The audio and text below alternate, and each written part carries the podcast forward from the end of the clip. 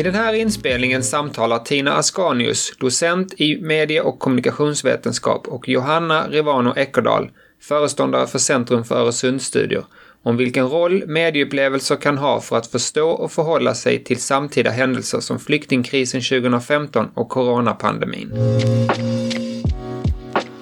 Välkommen till detta samtal som ansluter till temat för Forskartorget 2020 som ju är gränser. Och vi kommer att intressera oss för en specifik gräns, nämligen den mellan Sverige och Danmark. Och rubriken som vi har satt för det här samtalet är Utopiska gränsland i tv-serien Bron. Samtalet tar sin utgångspunkt i den här antologin Checkpoint 2020, Människor, gränser och visioner i Öresundsbrons tid. Och det är Marcus Idvall, Anna Palmehag och Johan Westman som har varit redaktörer för den. Och den är utgiven i år i ett samarbete mellan Centrum för Öresundsstudier vid Lunds universitet, Öresundsinstitutet och Makadam förlag. Och allra först så vill jag presentera vilka vi är som står här. Och då är det Tina Askanius och du är docent i medie och kommunikationsvetenskap på institutionen för konst, kultur och kommunikation vid Malmö universitet. Och i år, eller just nu, är du också eh, gästforskare här i Lund vid sociologiska institutionen. Yes. Och jag heter Johanna Rivano Eckdahl och jag är då föreståndare för Centrum för Öresundsstudier här vid Lunds universitet och också docent i biblioteks och informationsvetenskap vid institutionen för kulturvetenskaper här på Lunds universitet. I år, 2020, så fyller den fasta förbindelsen över eh, Öresund 20 år. Och den här antologin, Checkpoint 2020, ges ut i samband med det här jubileet. Och i den här antologin så tecknas en bild av hur bron har gått från att vara förenad med en väldigt stark visionär kraft och också en omdiskuterad infrastruktur till att idag vara något som snarare har fallit in i och blivit en färdväg vi tar för given i vår vardag. I den här antologin så finns det intervjuer med viktiga aktörer för bron och också personer som nyttjar bron på olika sätt i sitt vardagsliv. Och det finns också sex forskaressäer som på olika sätt bidrar till att belysa bron i skilda perspektiv. Och då kan man säga att den här antologin bidrar med att både beskriva och undersöka hur Öresundsbrons mångfacetterade roll och betydelse har utvecklats över tid. Bron invigdes den 1 juli 2000 och det planerades ett väldigt stort och festligt firande i år. Men planerna fick ändras på grund av den rådande pandemin. Och vi återkommer till pandemin och konsekvenserna av den lite längre fram. Men jag vill börja då med att prata med dig Tina om den essä som du har skrivit, för du är en av forskarna som har bidragit med en essä i antologin. Och ditt bidrag har titeln Öresundsregionen som imaginär plats och utopiskt gränsland. Den dansk-svenska publikens upplevelse av tv-serien Bron. Och tv-serien Bron det är ju ett framgångsrikt exempel på den här genren som vi talar om som Nordic noir. Mm. Eh, och den utspelar sig på båda sidor om Öresund och just Öresundsbron har en framträdande roll i den här serien. Mm. Och du undersöker i ESN med utgångspunkt ifrån djupintervjuer med tittare hur publiken upplever och föreställer sig Öresundsregionen och också bron då. Och innan jag vill be dig berätta lite om analysen så kan du inte berätta lite mer om den här undersökningen som mm. ni gjorde?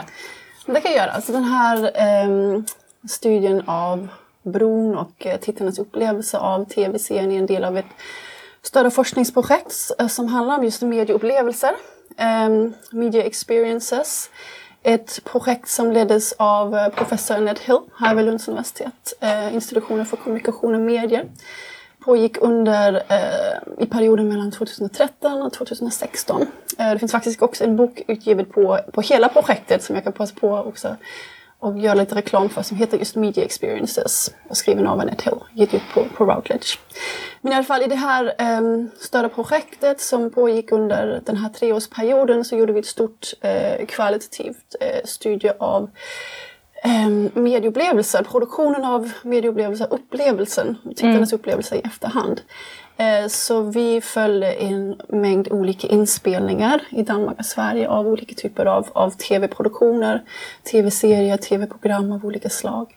Eh, vi gjorde intervjuer med producenter, regissörer, eh, ljud, ljudartister, statister, setdesigners, alltså programledare, programdeltagare, alla möjliga typer av aktörer som är involverade i, i produktionen av ett tv-program. Um, och sen så gjorde vi då djupintervjuer med tittarna av dessa program i efterhand. Um, så, så det är lite om, om det större projektet, kan man säga. Och sen det här um, eh, Alltså dels studien kring bron, som, och bron är ju en samproduktion, mm. gjort eh, eh, mellan Danmark och Sverige. Eh, den, förutom då den här produktionsstudien så bygger, så bygger bron studien på just djupintervjuer med, med tittare i Danmark och Sverige specifikt. Och ganska många av våra respondenter är från just Öresundsregionen. Um, och du var också hemma hos folk? Ja, jag har gjort liksom deltagande studier uh, i hemmamiljö kan mm. man säga. Mm. Så jag har lagt ganska många söndagkvällar uh, under, det måste ha varit 2014.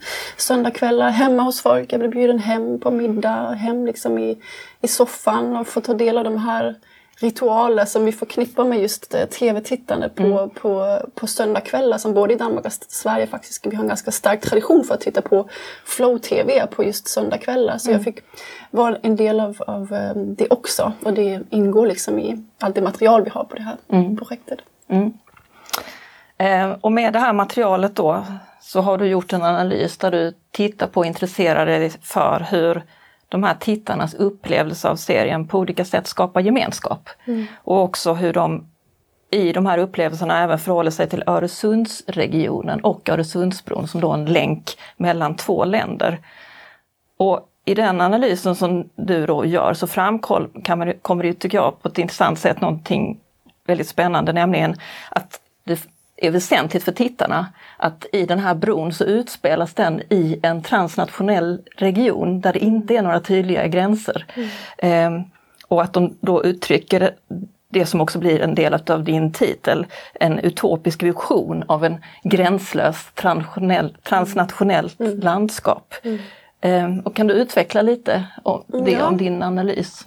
Alltså, I analysen så tittar jag på alltså hur bron som just representerar den här genren som vi brukar benämna Nordic Noir, som ju i de här Alltså ger en ganska mörk, dyster bild av de nordiska länderna där de utspelar sig.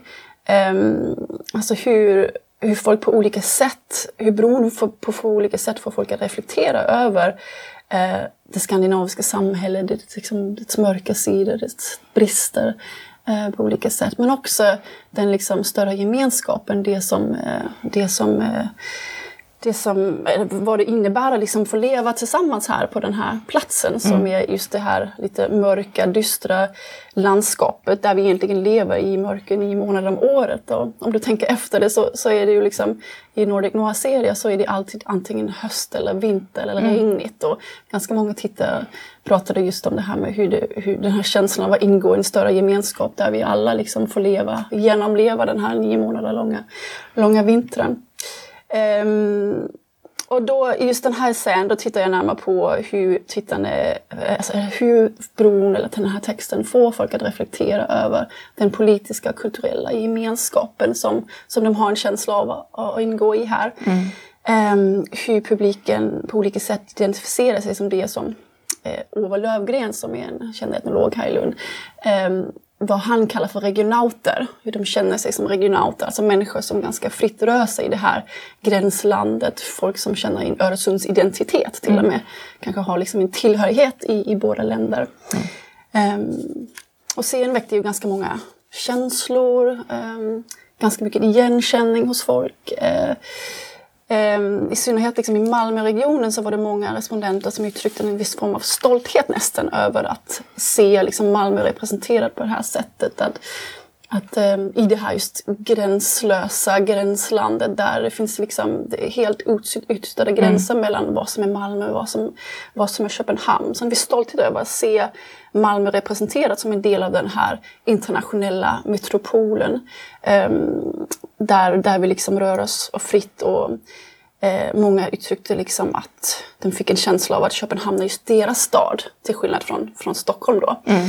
Um, och, uh, och så att de, liksom, de engagerar sig och, och gillar den här serien så pass mycket just för att den skapar den här visionen av en region där det inte finns gränser, mm. där vi förstår varandra, mm. där vi samarbetar. Mm. Även om de är ganska medvetna om att det är just en vision, en mm. vision och i stor del också en fiktion faktiskt. Och sen så inträffar ju en politisk kris under tiden som serien mm. spelades in. Mm. Eh, som också fick stora konsekvenser för relationerna mellan Sverige och Danmark. Och det jag mm. tänker på då är hösten 2015 och det som ofta får beteckningen flyktingkrisen. Man kan också tala om det som en solidaritetskris. Eh, och då visar du här hur i eh, de här medieupplevelserna också kan vara väsentliga för att förstå och också förhålla sig till sådana här samtida händelser. När man som tittare då ser det här och samtidigt är medveten om att det då har blivit de här gränskontrollerna för broresenärer. Mm. Um, och hur denna kris är synlig i serien och hur tittarna uppfattar det och den situationen som ganska paradoxal. Mm. Och sen 2015 har vi ju sett andra stängningar utav bron och överlag upplever vi ett starkt uppsving för olika eh, nationella gränser och också att man eh, betonar nationens betydelse i väldigt hög grad idag. Eh, och den rådande pandemin har ju också bidragit till att göra att nationella gränser förstärks på olika sätt. Så om du skulle skissera en undersökning liknande den ni gjorde och som din essä då utgår från och göra den idag, hur skulle den kunna se ut? Och hur skulle du idag göra för att fånga liksom artikulationer mm. utav gränsen mm. eh, i, eh, hos personer som bor i Öresundsregionen? Alltså jag tror nog jag hade gjort samma, samma upplägg men jag är ganska säker på att jag hade fått annorlunda svar på samma frågor faktiskt. Jag, jag är inte så säker på att så många skulle uttrycka liksom en, en känsla av stolthet eller en känsla av att liksom eh, vara Öresundsmedborgare idag. Eh, eller liksom att tro på en, en, framtid helt utan, utan gränser. Alltså de här intervjuerna pågick ju liksom precis innan och precis i början av den så kallade flyktingkrisen.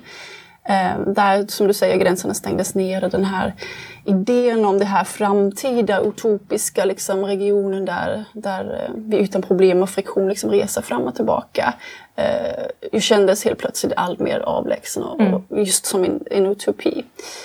Um, och idag med corona så ser vi ju tyvärr liksom eh, allt fler splittringar skulle jag säga eh, i Öresundsregionen. Och, och, som jag sa så är jag ganska säker på att svaren skulle se väldigt annorlunda idag så här mitt i en global pandemi som ju på många sätt har liksom försvårat livet för eh, pendlare, för, för oss som har liksom ett liv på båda sidorna av, eh, av bron som har relationer och en vardag liksom på, i båda länderna. Um, under corona har det varit ganska svårt ska jag säga, alltså mm. vara båda svensk och, dansk. Det har varit väldigt mycket antingen eller. Mm. Man har varit antingen team Boström eller team Tegnell. Uh, det gick liksom inte att vara, vara både och. Um, och vara lite anekdotisk så jag vill säga att i, i de pendlargrupper och Öresundscommunity som, som jag har varit en del av, så, eller är en del av, är, är, har tonen liksom varit väldigt hård, mm. eh, väldigt bitter. Um, så, så jag tror absolut att det hade sett annorlunda ut ja. idag. En mer en mörkare bild, mer mm. Nordic noir. Mer Nordic noir, mm. exakt.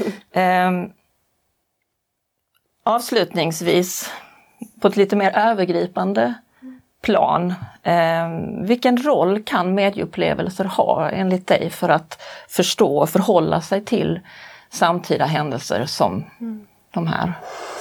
Alltså, den teoretiska utgångspunkten för, för studien är ju just det här begreppet eh, kulturellt medborgarskap som egentligen är eh, alltså bygger på ett antagande om att folks konsumtion av medier, eh, av just icke-seriösa medier, alltså populärkultur, av fiktion, eh, underhållning på olika sätt har stort inflytande på vår liksom, politiska identitet, på hur vi skapar liksom, en, en bild och en idé av oss själva som, som politiska subjekter.